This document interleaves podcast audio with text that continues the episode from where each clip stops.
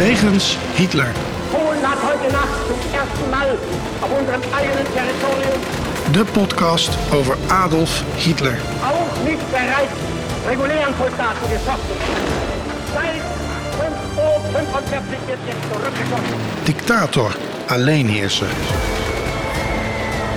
Van 1933 tot 1945.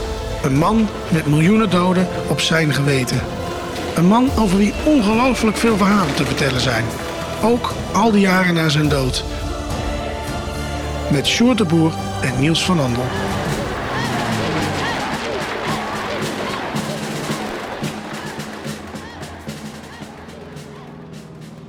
Een nieuwe week, een nieuwe Wegens Hitler. Ja, we zijn er weer, Sjoerd. Eh, we zijn nu s'avonds online in plaats van s ochtends. Alles te maken met dat ik weer eens eh, migraine had, conform traditie. Maar we nemen vandaag op maandag op, dus de dag zelf. Hè? Ja, ik had even gewaarschuwd van eh, hij komt morgen, maar... eh, Nou, zoals het er nu naar uitziet, doen, eh, gaan we hem vandaag gewoon online zetten. Dat is een kleine moeite. Ik zal het berichtje even eh, aanpassen. Ja, helemaal goed. Het eh, gaat trouwens weer hartstikke goed met de vrienden. We, we blijven groeien. Ik snap niet waar ze ineens allemaal vandaan komen. Maar mocht je nog geen vriend van de show zijn, ga even naar vriend van de show. En steun ons met een kleine bijdrage van 15 euro per jaar of 1,50 per maand. En daarmee help je deze podcast langer in de lucht te houden. Ehm, hadden we nog huishoudelijke mededeling? Ja, we naderen de 100. Dan gaan we wat leuks doen hè, voor onze luisteraars, Short. Ja, dat is waar. Eh, dan, eh, ja, dat, dat is al binnen een maand, dus eh, dat moet goed komen. Mhm. Ehm, dus nou, we, we zijn goed op weg. We blijven lekker in de running. En ook nog de winnaarsbokaal, daar hebben we ook nog loze beloftes over gedaan. Maar dat komt ook goed, eh, denk ik, hè? Ja. Ja, misschien regelen we een meet and greet met de podcastmakers. Oh, ja. Er is geen hond die dat wil. Ik nou, er is dat. iemand die wil heel graag met ons de kroeg in. Oh, Ja, dus eh, ik heb dat toegezegd, als het beter weer is. oh, dat is goed, ja. Ja, zeker. Dus eh, dat komt helemaal goed. Maar we moeten wel fietsen terug kunnen, hè? ja, het is ook in Veenendaal. Dus daarom heb ik dat, Oh, durfde ik dat ook wel toe te zeggen. Oh, dat is een goeie. Ja, dus dat komt helemaal goed. Ehm, nou, we hebben genoeg. fietsen mag ook niet. Waarom niet? Ja, dat was laatst op tv. Ja, ik wist dat al lang. Ja, formeel mag dat niet. Maar goed, wat hebben ze liever? Dat je in de auto stapt of op de fiets? Dat je gewoon netjes thuis gaat drinken. Ik heb nog nooit meegemaakt dat iemand is aangehouden dronken op de fiets. Nog nooit. En ik heb echt wel eens dronken op de fiets Ben, ben jij nu aan het propageren dat mensen dat massaal moeten gaan doen? Dat gebeurt elk weekend al massaal. Weet, kom je wel eens nee, buiten nee, in Veenendaal? nee, ik- ik geloof Kom nou, al die, Ik geloof al die van leerlingetjes van jou. Ik heb al die leerlingetjes van jou allemaal op Biriel nog. En eh, nou, die waren allemaal zo bezopen als een hoor, van het weekend. Ja, dat is carnaval, hè? Oh, maar wat heeft dat met Veenendaal te maken? Die horen in de kerk te zitten. Ja, maar ja, carnaval is hier dan geen ding. Maar mag ik vragen waarom je wel een kostuum aan hebt dan? Ja, nou ja, ik had mijn Pino-pak had ik gewoon nog hangen. En ik dacht, dat kan ik meteen even uitwaaien Ja, op precies. de dijk hier. Ja, in de supermarkt begonnen ze allemaal wilde plannen al voor volgend jaar carnaval. Ze wilden in eh, bepaalde Duitse uiterlijke. Ik heb voorgesteld dat we dan toch maar eens de stormtroopers van Star Wars gaan, omdat dat wat beter Ja, nee, ik heb moeite met, met... Ja, jij zit al hier al... eh, als je een beetje bij de rivieren zit, dan begint het natuurlijk een beetje te kriebelen. Maar ik heb moeite met al het gedoe. Dat moeten ze in het gebied doen waar het vandaan komt. En al die randstedelingen moeten niet naar carnaval gaan. Dat hoort niet. Zoals wij, zeg maar, in het noorden ook de Fri- Friese Elfstedendag voor onszelf willen houden. We zijn eigenlijk heel blij dat die maar niet doorgaat elk jaar. dan komen die stomme Hollanders daar ook niet Ja, precies. En de zon schijnt nu. We, hebben die afsluitdijk voor jullie gelegd. Ik heb trouwens pas geleerd dat er een stuk Friesland in Noord-Holland ligt. Dat wist ik niet. Heel Noord-Holland was van ons. Oh, Sterker nog, ja. Zuid-Holland, eh, eh, eh, Zeeland en België. We liepen door tot aan Denemarken. Het is jullie allemaal afgenomen. Maar dat weet ik niet. Misschien ben jij wel een Fries. Ja, dat, nou, dat weet ik, dit denk ik niet. Maar goed, ehm, voordat we hier een heel niet. ander onderwerp van de geschiedenis aangesneden, stel ik voor dat we naar het eerste onderdeel gaan. En dat is dus altijd Hitlers dagboek.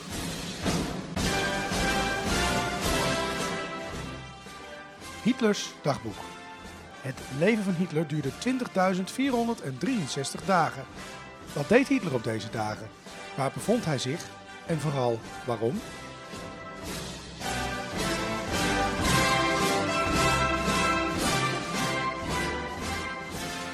Ja, deze podcast komt online op 12 februari 2024. Eh, en op die datum eh, kwam Adolf Hitler aan met de trein in Schwerin, ten oosten. Ja, trouwens niet eh, op 12 februari 2024, maar op een 12 februari ehm, in eh, 1936. 1936. 30, 37, wat hadden we? Dat staat er niet goed genoteerd. Maakt niet uit. Maakt niet uit. Er was een 12 februari waarin Adolf Hitler ergens aankwam in de trein bij, bij, bij Schwerin ten oosten van Hamburg. En hij hield daar een reden tijdens de begrafenis van Willem Wilhelm Gustloff. Ja, was in vertel eens, Jonas. 1936. Was in 1936. Alleen het heeft een aanloopje nodig. Wilhelm Gustloff, dat was een nationaalsocialist en een leider van de NSDAP Auslandsorganisation in Zwitserland. En op 4 februari ne- eh, 1936 werd hij door een oud studiegenoot, en dat was de zoon van een rabbijn, werd hij neergeschoten. En ehm nou, Gustloff werd een nationale martelaar. En eh, werd dan, zeg maar, op 12 februari eh, eh, werd, eh, werd hij begraven, volgens mij. Ehm, en dat staat alleen niet in onze informatie. Wie heeft deze informatie gemaakt? Dat is toch vreselijk. Maar goed, in eh, 1937 werd ook een groot passagiersschip door Hitler zelf tot Wilhelm Gustloff gedoopt. Dat zou eigenlijk Adolf Hitler moeten zijn. Want ze dachten van, die, die naam kunnen we wel geven aan dat schip. Maar dat was tactisch niet zo'n hele goede set. Want ja, eh, weet je, als dat schi- schip dan een keer tot zinken werd gebracht, ook al was het een passagiersschip, eh, dan zou Hitler zelf min of meer zinken. Dus dat was niet zo handig. Eh, dat is trouwens wel wat er gebeurde op 30 januari 1945, want toen zonk inderdaad de Wilhelm Gustloff. Ja, en daar heeft onze Hitler toch zeker nog drie maanden langer voor nodig gehad. En met dat bombshell gaan we door naar het volgende onderdeel. En dat is zoals altijd de plek. De plek. Bijzondere plekken of verhalen die te maken hebben met Hitler. De plek. Het gaat over eh, het leven van een gevechtspiloot eh, en een morfineverslaafde die de tweede man was van het Derde Rijk. Eh, de locatie is Duitsland, Oostenrijk, Zweden, Italië. Eh, en we gaan gewoon eens een volledig overzicht doen van onze grote eh, held en vriend eh, Herman Geuring. En begrijp me niet verkeerd, held en vriend is met sarcasme Ja. voor het geval ik weer. En dat volledig eigenlijk ook, want het is volstrekt onvolledig. Ja, Dat, dat kan niet anders. Nee. Ik bedoel, ik bedoel, nou ja, goed, doet er niet toe. We gaan beginnen. Herman Geuring die werd geboren in een eh, sanatorium in Duitsland. Terwijl zijn vader als diplomaat in eh, Haiti werkte. Hij woonde tijdens zijn jeugd op verschillende plaatsen, waaronder uh, Vuurt, Karlsruhe, Berlijn, is allemaal Oostenrijk natuurlijk. Maar ook in verschillende kastelen in Oostenrijk. Ehm zei ik naar Oostenrijk, eh, dat is Duitsland natuurlijk de eerste rij. Zijn vader was Ernst Heinrich Geuring, een jurist, een gouverneur en diplomaat. Zijn moeder was Franziska Tiefenbroen, een boerin uit Beieren. Nou, een prachtig koppel. Zijn ouders waren vaak afwezig en hij groeide grotendeels op in een pleeggezin. Ehm, nou ja, vooral eh, dat pleeggezin, eh, dat was in het begin, later werd, het, werd de samenstelling nog heel anders. Nou ja, goed, hebben we het zo over. Hij had ook een half-Joodse peetoom en dat is de Herman Epenstein, die een belangrijke rol speelde in zijn leven. ja. Ehm, dat huwelijk van die ouders van Geuring, hè, dat, daar moeten we het ook even over hebben. Dat was niet erg eh, harmonieus, dus eh, was niet eh, gezellig. Ehm, zijn vader die was vaak afwezig. Je hoorde al net dat hij gouverneur was. Nou, dat betekent dat hij ook werk deed in de koloniën. En zijn moeder voelde zich vaak eenzaam en verwaarloosd.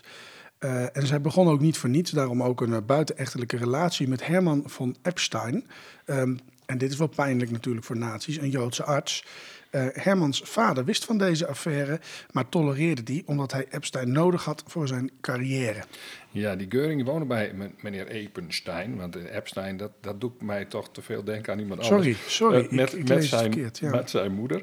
Eh, hij was naast, naast arts ook zakenman die de familie Geuring financieel ondersteunde. Dat is, nat- vond die vader natuurlijk wel prettig. Hè?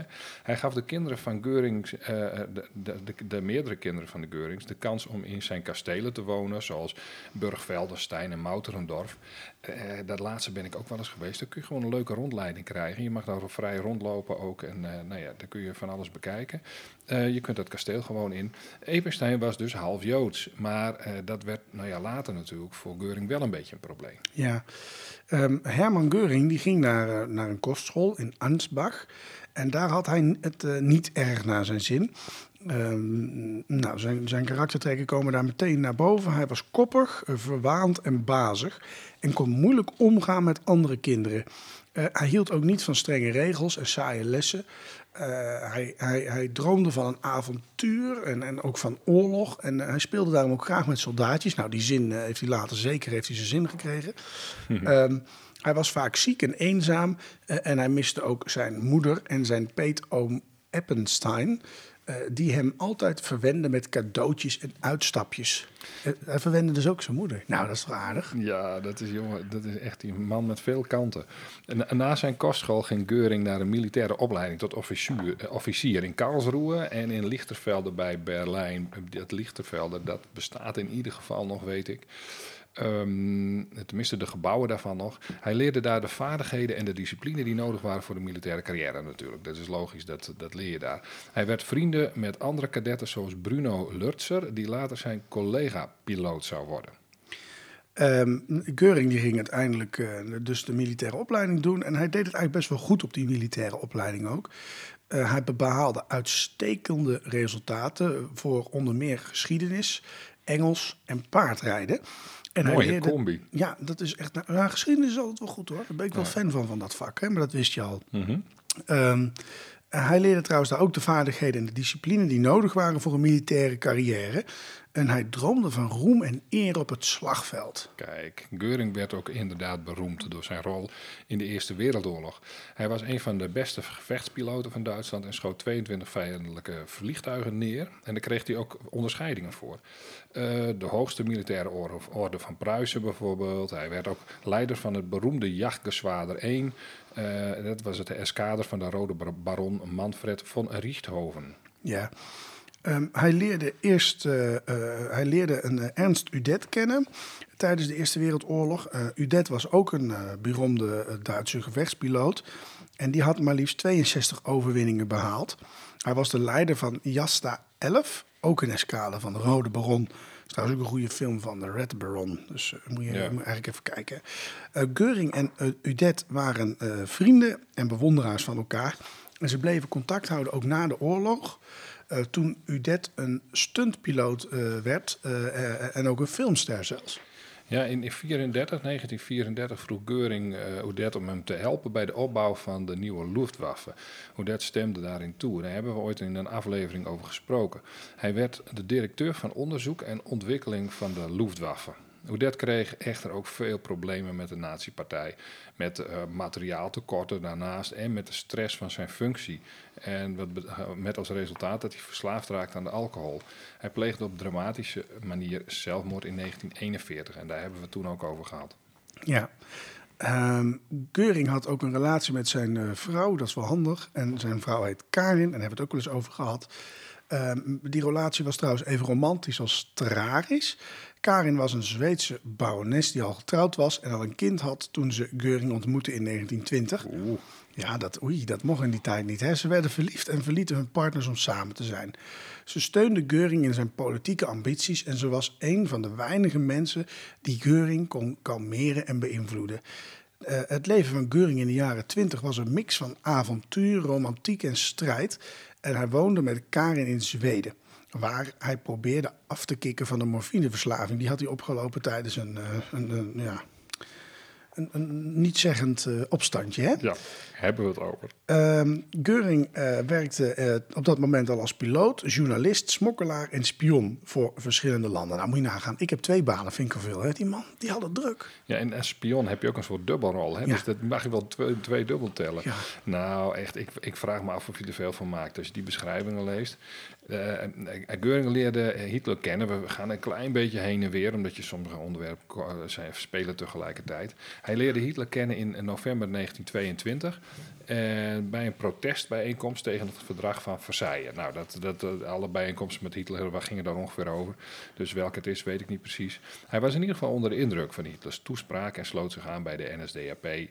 En toen kwam hij inderdaad bij dat nietsbeduidende bierkellerpoetsje van 1923. waarbij hij gewond raakte aan zijn lies. 9 november, hè? 9 november. Jawel, Belangrijke datum, hè? Noem het nog maar een keer. Uh, dat was ook het moment waarop hij verslaafd raakte aan die morfine dus inderdaad. Hè. Dan, dan, uh, nou ja, hij kreeg het toegediend als pijnstiller en vluchtte na de poets naar Oostenrijk. En uh, waarschijnlijk is het in Innsbruck geweest waar hij voor het eerst van die rommel heeft gekregen tegen de pijn, omdat hij die wond ook een beetje verwaarloosd had. En daarna, uh, hij wilde niet terug naar Duitsland, want dan werd hij waarschijnlijk gearresteerd. Dus is hij een tijdje in Zweden gaan rondhangen. Is ook in Italië geweest en zo. Maar goed, hij kwam in Zweden terecht. Ja. Ehm, hij was trouwens erg toegewijd aan Karin. Ehm, en, en- en dat is anders dan andere nazi-kopstukken die hun vrouw wat minder lief hadden. Maar dat kun je toch van Geuring dan hier toch nog niet eh, zeggen. Nee. Ehm, zij hielp hem eh, dus bij zijn carrière en gezondheid, dat vertelde ik net ook al. Eh, maar ze was zelf ook niet erg gezond. Ehm, en hij was ook diep bedroefd toen ze overleed in 1931 en bleef haar de rest van zijn leven vereren. Wat, wel weer bijzonder is om te vertellen, hij was er niet bij toen ze doodging. We hebben het wel eens Nee, gehad over Karinhal, ja. Ja. dat gebouw. Vorige week is dat ook even te sprake gekomen. Ja. Eh, hij hield wel heel veel van haar, maar weer niet genoeg om Hitler even alleen te laten. Dus dat, dat, Nee, dat want is dat wel kon, bijzonder. politiek gezien kon hij even, had hij even iets belangrijks te doen. Dus Ja. ging hij toch maar even naar de vergadering toe. En Ja. toen was ze overleden. Ja, nou ja, goed. Eh, hij bleef haar wel in ieder geval dus vereren hè, met dat beroemde landhuis eh, dat hij naar haar vernoemde. Hij liet haar lichaam daar ook herbegraven. Ehm, ze was op dat moment ook nog in Zweden begraven en Geuring wilde haar bij zich hebben. En het lijk van Karin werd daarom eh, naar zijn jachtslot Karinhal gebracht. Eh, en Hitler en eh, en andere topnaties die waren ook aanwezig bij die herbegrafenis van haar. Eh, wat we toen ook vertelden is, hè, want we hebben het over dat vereren, ehm, dat er nog een enorm schilderij eh, eh, van eh, zijn overleden vrouw ook in dat gebouw Ja, hing. ja, En dat we ons afvroegen hoe zijn nieuwe vrouw daarover dacht. Ik kan me zo voorstellen dat als ik een vriendin krijg, niet het heel leuk zou vinden als er nog een foto van mijn ex hier in mijn gebouw zou hangen. Gebouw, Nee, nee, nee ja, het, het, het scheelt, scheelt dat ze natuurlijk was overleden. Misschien dat dat enig respect afdwingt of Ja, zo, weet ik. ik heb geen idee. Nou, de kans dat hij naar terug ging was klein. Of Ja, hij moest iets met lijken hebben, maar goed. Ja, het is misschien ook een beetje overdreven. Ik las ook ergens, maar dat weet ik niet. Dat moet ik checken. Misschien weet een, luisteraar dat. Dat hij ehm, ehm, zijn volgende vrouw, Emmy, daar hebben we het straks denk ik ook nog wel even over. ehm, die heeft hij ook ontmoet terwijl hij die andere vrouw al kende. Niet dat ze toen meteen een relatie hadden, maar goed, zij was actrice of zo. En Oh. bla bla bla. Dus ik, nou, Vandaar geen de idee. naam Emmy. Van de Emmy Awards. Ja, ja, Oh ja, dat zal wel. Dat komt wel van, ja. Ja, ja. Ah, die Amerikanen zijn ook zo fout als de pest. hè. Nou, precies. Maar goed, we gaan door. Ja, Ge- Geuring was eh, sinds het eind van de jaren twintig weer in contact met Hitler en, en werd ook een van zijn trouwste bondgenoten en vertrouwelingen. Eh, later werd hij zelfs door Hitler aangewezen als opvolger en plaatsvervanger. Nou, Geuring werd voorzitter van de Rijkstak eh, taak en in augustus 1932. Ehm, hij, hij werd daar verkozen met 367 stemmen. Nou ja, dat wel. Als voorzitter van de Rijkstaak had hij de taak om orde en de waardigheid van het parlement te bewaren. Maar ja, dat gebruikte hij natuurlijk vooral om de oppositie te onderdrukken en de nazi-agenda een beetje door te, te drukken. Hij schond ook de grondwetten en parlementaire, parlementaire regels. eh, bijvoorbeeld door de SA en de SS een beetje achter in de, in, in de zaal te laten staan. Nou ja, dan maak je ineens een andere beslissing, als kan ik me zo voorstellen. Ja. of niet, maar ja, dan maak je het niet, niet tot de uitgang, denk ik. Nee, hij Ik speelde... kan wel lachen, maar ja, nou ja, het is ja. eigenlijk heel erg. Ja. Ik- Ja, nou ja, het, was, eh, het is gebeurd, joh. Ehm, hij, hij speelde een eh, sleutelrol bij de inname van de machtigingswet ook nog een keer, die Hitler de volledige wetgevende macht gaf.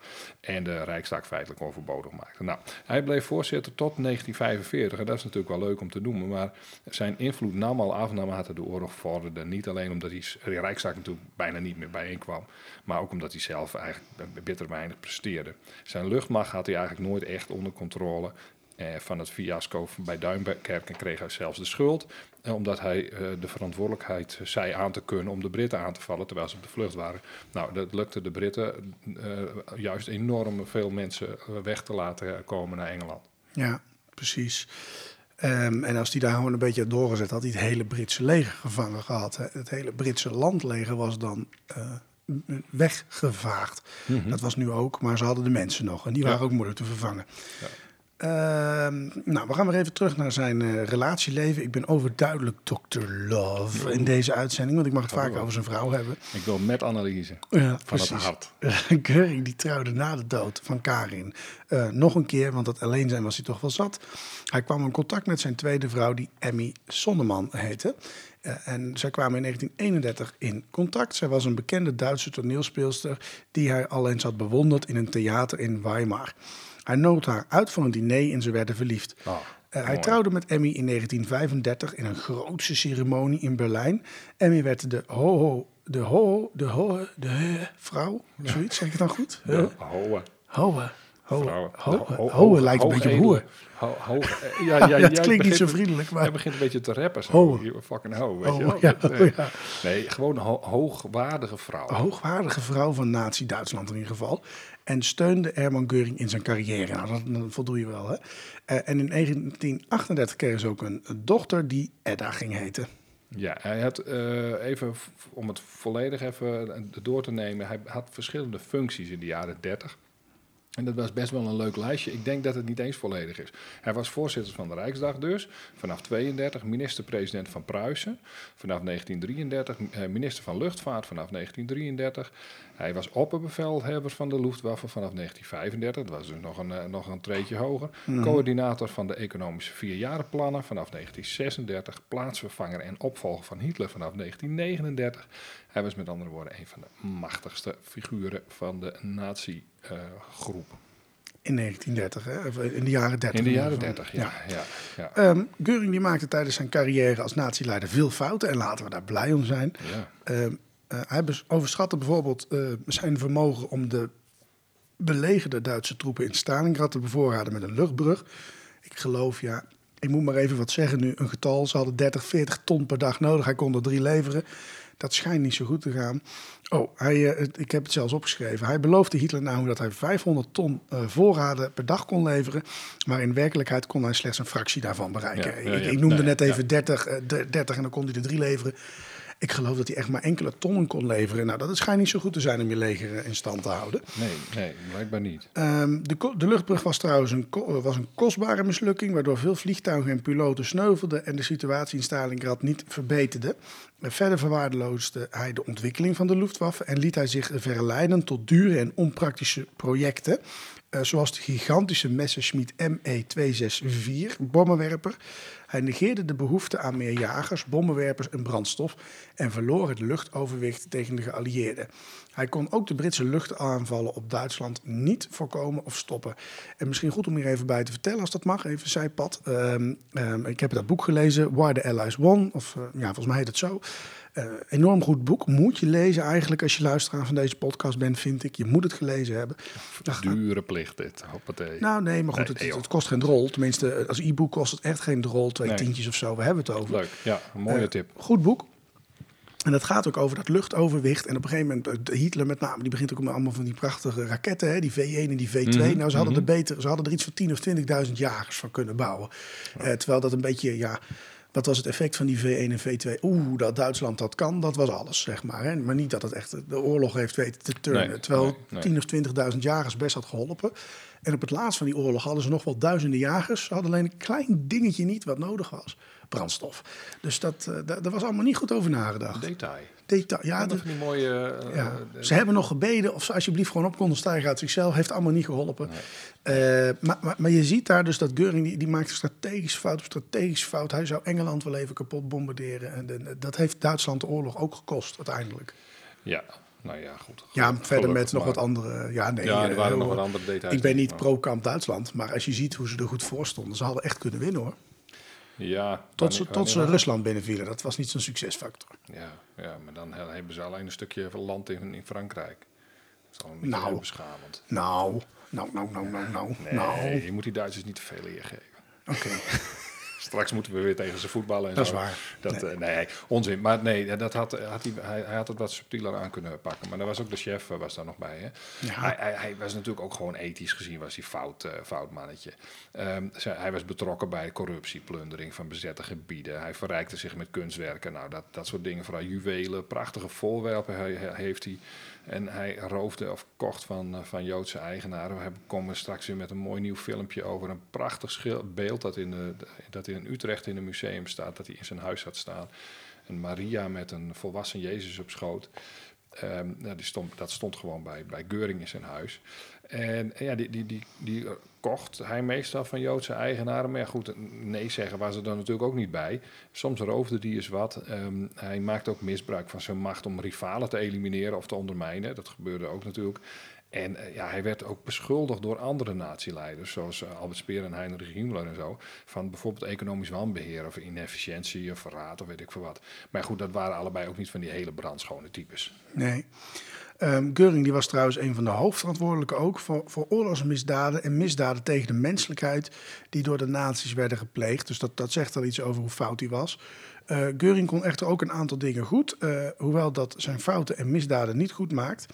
Uh, hij was naast een moedige en bekwame gevechtspiloot in de Eerste Wereldoorlog ook een charismatisch en populair spreker. Dat, dat konden die kopstukken wel, hè? Ja. Die veel mensen wisten te overtuigen en te inspireren.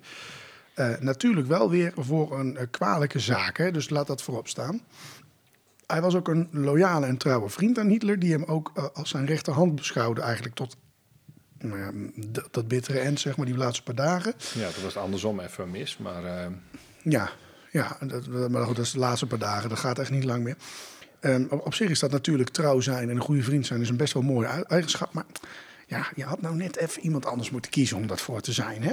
Ja, zo'n hond of zo. Ja. Dat was ja, ja, nou, Dion ja, ja. Over honden gesproken, hij was ook een groot dierenliefhebber. Hè? Het is net Dion Graus, maar uh, nee, nee, nee, dat is flauw. Dat is een Hitler-vergelijking die weer veel te ver gaat. Een Keuring-vergelijking, dat valt mee. oh, dat valt mee, ja, precies. En tegelijkertijd was hij een fanatiek jager. Ja, dus dat... Dit is wel mooi, hè? Schoot hij dan ook zijn Hij vond eigen... dode dieren ook heel mooi. Ja. En, uh, en bovendien een liefhebber van modeltreinen. Nou, een treinen in Duitsland, dan ben je echt aan de succesfactor Nee, bezig. ja. In de jaren 40 was het natuurlijk helemaal over met deze jongeman. Hij verloor zijn macht en prestige als gevolg van de nederlaag van de Luftwaffe, corruptieschandalen, rivaliteit met de uh, andere natieleiders en de teleurstelling van Hitler. Hij trok zich steeds meer terug. Dus zeg maar dat die, die, die, die taken die hij had, die waren inderdaad tot, tot 1940 prima. En daarna wordt het gewoon echt minder. Hij trok zich ook terug in zijn eigen droomwereld tussen kunstschatten, uniformen en jachtfeesten.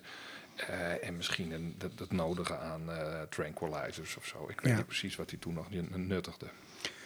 Uiteindelijk is het ook voor Hermann Göring voorbij en Nazi-Duitsland wordt verslagen en hij wordt gevangen genomen door de geallieerden en berecht in Nuremberg. En daar hebben we al vaker verteld, mooie film van Nuremberg. Er staat gewoon op YouTube, kun je kijken, moet je doen.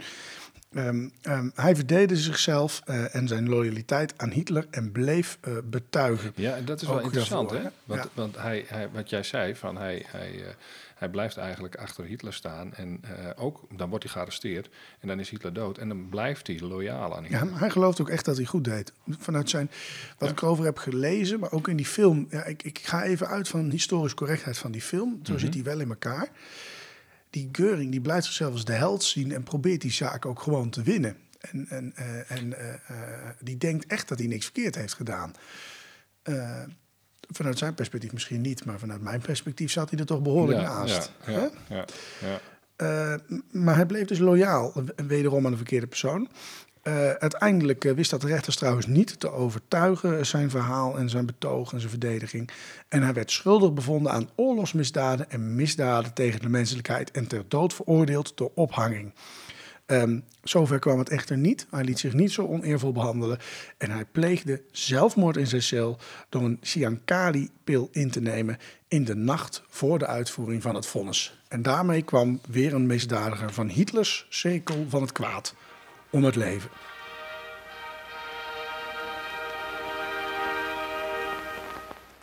Het Nazi-journaal.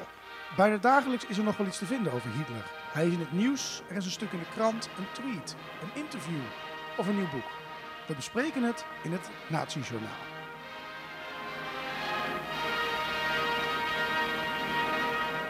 Ja, het Nazi-journaal.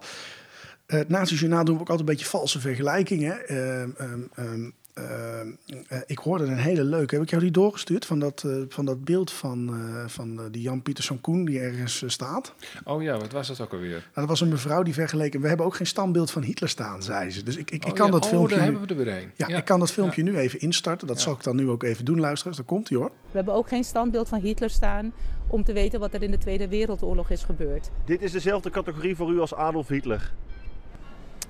Ja, hij heeft genocide gepleegd. Ja, we hoorden die mevrouw dus zeggen... we hebben ook geen beeld van Adolf Hitler staan... Om, om, aan de geschiedenis te denken. Ja, moet ik zeggen, vond ik wel een goed argument.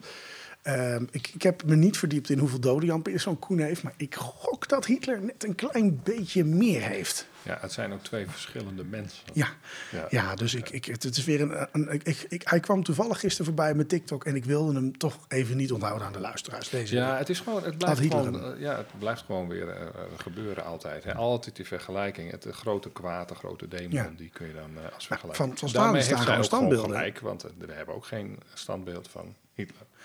Nee, Dat klopt. nee. Ja. Ja, ik vind Jan Peterson Koen wel een ander niveautje. Maar dat, dat, dat vind ik dan. Ja. Vind ik, vind dat een klein heeft- beetje een andere ja. vergelijking. Ja, ik vind, los- het- los zoals van altijd de- gaat die mank. Ja, los van, de, van, de, van, van wat voor inhoud van de discussie dan ook.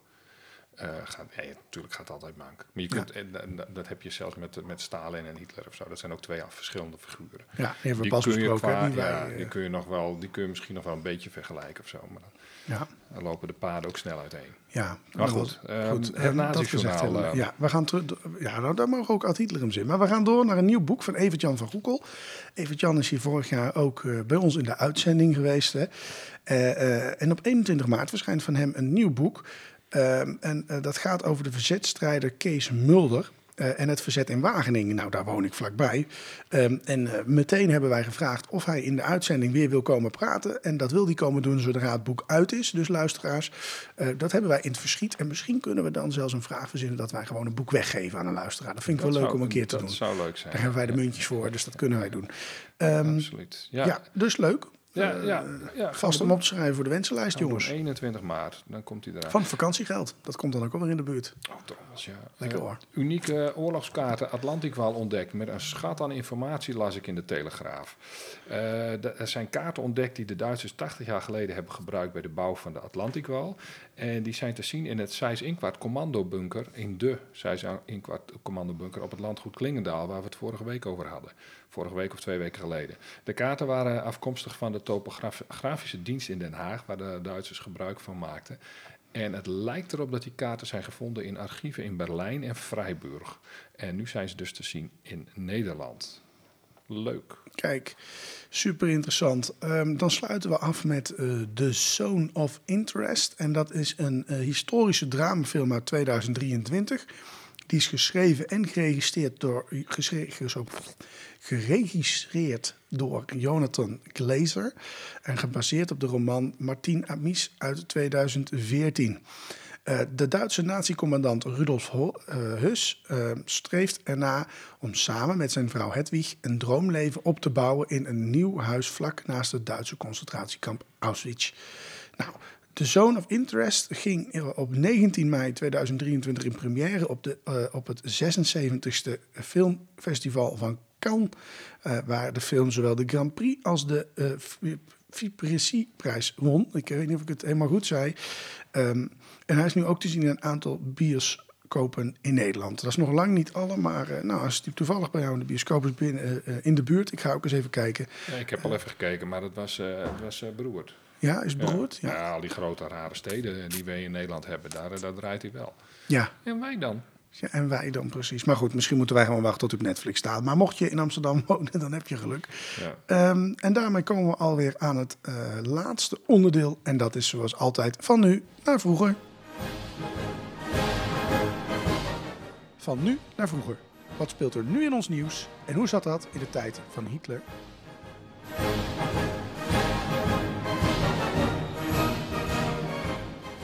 Ja, wij kregen van een luisteraar, eh, Mario eh, eh, van Herle, een tip. met het, gewoon de opmerking, heb het hier eens over. Hè? En dat Ja. vonden wij van nu naar vroeger een, een, een, ja, eh, een mooi moment voor. Het gaat over omvolking of involking. Ehm, de, de Vlaamse belanger Tom van, de, de, Tom van Driessen joeg een week geleden de Nederlandse Sofie in het veld op de kast door in het Europese parlement het woord omvolking te gebruiken. Op haar vraag eh, wordt nu onderzocht, eh, op haar verzoek wordt nu onderzocht of dergelijk taalgebruik wel gebruikt mag worden eh, in onze halfrond. Ehm, en in ieder geval in het debat, denk Ja, ik dan, ja, ehm, dat ja. we bedoelen. Eh, tijdens een debat over het Europese migratiepact zei Van der Driessen dat hij ehm, de bedoeling van dit pact niet is om de illegale migratie tegen te gaan, maar dat het deel uitmaakt van een bewuste strategie om net meer immigranten aan te trekken doelbewust georganiseerde omvolking, zo sprak hij. Ja, en je hoort het vaker. Hè? Je hoort het eh, in Nederland ook wel de term omvolking hier en daar. Ja, en dat, dat, dat wij, de, de- ik noem maar even, ja, wij zijn gewoon eh, etnische Nederlanders, als ik het zo goed zeg. Eh, ja, ik wil Ariërs zeggen, maar je snapt mijn punt, denk ik. Ja, hè? dat wij zijn gewoon. misschien van jou zeggen. Ja, ja, nou goed, wij zijn de originele bevolking van dit land, om maar even zo te zeggen. En dat wij langzaam overroeld worden door de niet-westerse migranten. Eh, dat hoor ik al twintig jaar. Het is nog steeds niet gelukt om meer dan 5% van de bevolking te worden. Dus dat gaat niet hard, dat plan. Maar goed, Ehm, eh, in ieder geval georganiseerde omvolking. Eh, en eh, Van Driessen kreeg dit weekend trouwens navolging tijdens zijn nieuwjaarstoespraak. Nam ook zijn partijvoorzitter het woord in de mond. De- het open grenzenbeleid van links is een complete ramp in Europa. En vooral in België. En voltre- eh, er voltrekt zich een heuse omvolking, zo sprak Tom van Grieken, de voorzitter dus. Dit is het resultaat van decennia lang ongecontroleerde massamigratie. Eh, en nou, dat, dat, is gewoon zo'n term, dat wordt er even ingegooid. Dus omvolking. Ja, en je hoort dat wel vaker in rechtspopulisme. Hè? Ja, ja volgens, mij, volgens mij is die. En, en die term komt ook uit. ehm, waarschijnlijk uit het verleden. Ik bedoel, dat is, dat is, dat is waarschijnlijk geen toeval dat, eh, dat die daar gebruikt wordt. Je hoeft maar een historisch boek te lezen en dan lees je zo'n term en je onthoudt die in je. Je pompt die er ergens eh, uit. Maar volgens mij is het zelfs in het begin, eh, in, in Duitsland, is het een soort term geweest. die ook ging over de Duitsers die buiten de grenzen van Duitsland woonden. Dus dan, dan, dan hebben we het niet over etnische groepen, maar dan etnische Duitsers in het buitenland, in gebieden als nee, eh, eh, Tsjechië, het huidige Tsjechië, et cetera. Zelfs, dat zou, zelfs Tirol zou daaronder vallen. En eh, dan krijgt het alleen een beetje een omgedraaide betekenis. En die werd ook alweer geswitcht hoor, later. Ja, dan gaat het eigenlijk om ehm, ehm, dat die Duitsers bijvoorbeeld naar Rusland, naar dat gebied gingen om daar de bevolking te vervangen. Hè? Dat, dat, dat, dat, je dat omvolkt, als het ware. Daar ging het meer over van hier gaan wij daar naartoe. Ja, nee, bijvoorbeeld. Als ik het vrij mag Ja. vertalen. Eh, tegenwoordig wordt die term wel anders gebruikt. Het wordt namelijk gedaan door extreemrechtse en rechtse populistische groeperingen. Eh, het wordt gebruikt om het multiculturalisme te belasteren en het eh, groeiende aandeel niet-Duitsers, ehm, of, of bij ons dan eh, ne- ne- niet-Nederlanders. Eh, ik zei dit met van die haakjes, eh, maar dat zien luisteraars niet. eh, ehm, ehm, af te schilderen als een vermeend probleem in het verlengde van vulkische denkpatronen. Hè? De, de- dus van het volk uit. Ja, echt een nationalistische Ja. verhalen. Ja, ja. Ehm, in, in die context is umvolking de stenografische term voor een samenzweringsverhaal volgens welke onder, ongedefinieerde elites de autochtone bevolking willen vervangen door zogenaamde volgzame mensen met een andere culturele achtergrond. Nou, dat is Nee. me toch een mond vol woorden. Ja, dat, dat- is dan, dat is dan blijkbaar een soort complottheorie waar ze waar men. Maar ja, die term die komt inderdaad wel uit het verleden, kunnen we concluderen. Ja. En dat is, dat is ehm, eh, op zijn minst interessant. En dan is de vraag of je, vind ik ook wel, van of je zo'n term moet verbieden. Ehm, het voordeel van het feit dat ze de term omvolking gebruiken, is dat je eigenlijk, eh, als je weet waar die term vandaan komt, dat je ook meteen weet van oké, gebruik je die term, weten wij genoeg. Ehm, eh, het- tegelijkertijd is er een, een tijdje geleden kwam er weer een rapport uit van eh, in Nederland dat het percentage mensen die oorspronkelijk niet uit Nederland komen, dus toch wel flink boven die 5% uitdreigen te komen. En dan eh, wordt iedereen ineens weer heel erg bang en denkt van, oh, wat gaat hier gebeuren en zo. Dus eh, dan zal die term waarschijnlijk ook wel weer een paar keer opduiken. Ja. ik. Het, het, het lastige daarvan is. eh, nou, dit was volgens mij van het CBS, dus dat vind ik dan nog wel betrouwbaar. Maar wat vaak vergeten wordt, is nou, als je een Marokkaans gezin hebt wat hier naartoe komt. Die krijgen relatief veel kinderen, maar de tweede generatie heeft zich al vrijwel meteen aangepast aan dat gemiddelde, wat gewoon autochtone bevolking ja, ook haalt. ja. Dus ze groeien wel, maar die groei die is laag. En, en, en dat- is de discussie nu ook politiek. En dat vind ik een politieke keuze. Die hoeven wij nu niet te maken. Die hebben wij gemaakt toen het stemhokje stonden. Eh, heeft immigratie nou nut voor de samenleving of niet? Hè? Er zitten nadelen aan, die kan ik me ook echt wel eh, eh, eh, eh, levendig voorstellen, hè, van problemen in wijken. Het andere probleem is, als we ze niet hebben, wie gaan er dan onze kassen nog leegplukken straks? Hè? Dus Het is een spanningsveld. En is dat dan omvolking of is dat iets van alle tijden? Want eigenlijk is immigratie iets wat, als je in de geschiedenis kijkt, al duizenden jaren gebeurt. Wij waren hier origineel ook En, niet, hè? en heeft het niet ook te maken met een bepaalde visie op ons eh, economisch beleid? Wij, moeten, wij, wij gaan altijd maar uit van groei. Ja. Je wil altijd, waarom, wil je, waarom moeten we altijd uitgaan van een, een, een economisch model van groei? Juist nu met het oog op milieu, et cetera, eh, zou je ook wel eens kunnen nadenken van mag de groei eens wat minder op sommige gebieden? Een iPhone die vier jaar meegaat in plaats van twee jaar. Eh, Kunnen die dingen zo lang mee? Eh, Wel als je gewoon updates levert. Ah. En die zijn gewoon, die zijn niet milieu-onvriendelijk. Nee, nee en, dat, en dat is inderdaad het spanningsveld. En dat zag je ook in de tijd van Hitler natuurlijk, hè, waarin de immigrant was dan de Jood. En die had alles misdaan en weet ik het allemaal. Dat, dat, is nu toch ook wel een beetje een immigrant. Eh, Ja, Ik wil niet iedereen eh, die, die, die eh, PVV stemt, of nou ja, de VVD heeft ook wel standpunten tegen migratie. En daar kun je ook je vraagtekens soms bij zetten. Ja, maar Eh, die wil ik meteen fascist maken of zo. Hè? en, en ik vind het daarom ook lastig om, om dat soort termen te gaan verbieden. Ik vind dat alles gezegd mag worden. Dat is in een democratie. Eh, gaat het in tegen de grondwet, dan moeten we daar met elkaar scherp op zijn. Maar de grondwet is ook gewoon een boek waar we met elkaar hebben opgeschreven. En dat Ja. kan via principes. En verboden woorden, ik, ik, ik heb er niet zoveel van. Weet je, het woord Führer in Duitsland is gewoon een leider. En dat gebeuren ze als je een groepenvuurder hebt in Duitsland. Dan krijg je gewoon een leuke rondleiding. En dat heeft eh, ook niet eens met de geschiedenis te maken. Dat kan ook langs een, een, een bloemenveldje zijn, dan weet ik wat. Dan Ja. loop je met de groepenvuurder, loop je even mee. En eh, eh, eh, de omvolking, ja, laat het verbieden. Maar dan zou je misschien ook kunnen zeggen dat je de en het op een gegeven moment in de mond genomen door onze, onze oh, weet ik veel wat, NSB-chef. Ja, die gebruikt ook de en Nee, dat is een flauwe vergelijking. Maar waar komt een woord vandaan en waar komt het, wordt het als eerste gebruikt? Dan moet je ook verder kijken. Of was omvolking misschien daarvoor ook, nou ja, ingewikkeld. Ja, maar het is dit- inderdaad, en daar komen wij ook niet uit nu, maar laat duidelijk zijn, eh, ik denk dat wij het daar wel over eens zijn. Het is een term met een geschiedenis, een beladen geschiedenis. Absoluut. Eh, als je dat woord gebruikt, moet je daar ook van bewust zijn. Bedoel je dat dan ook?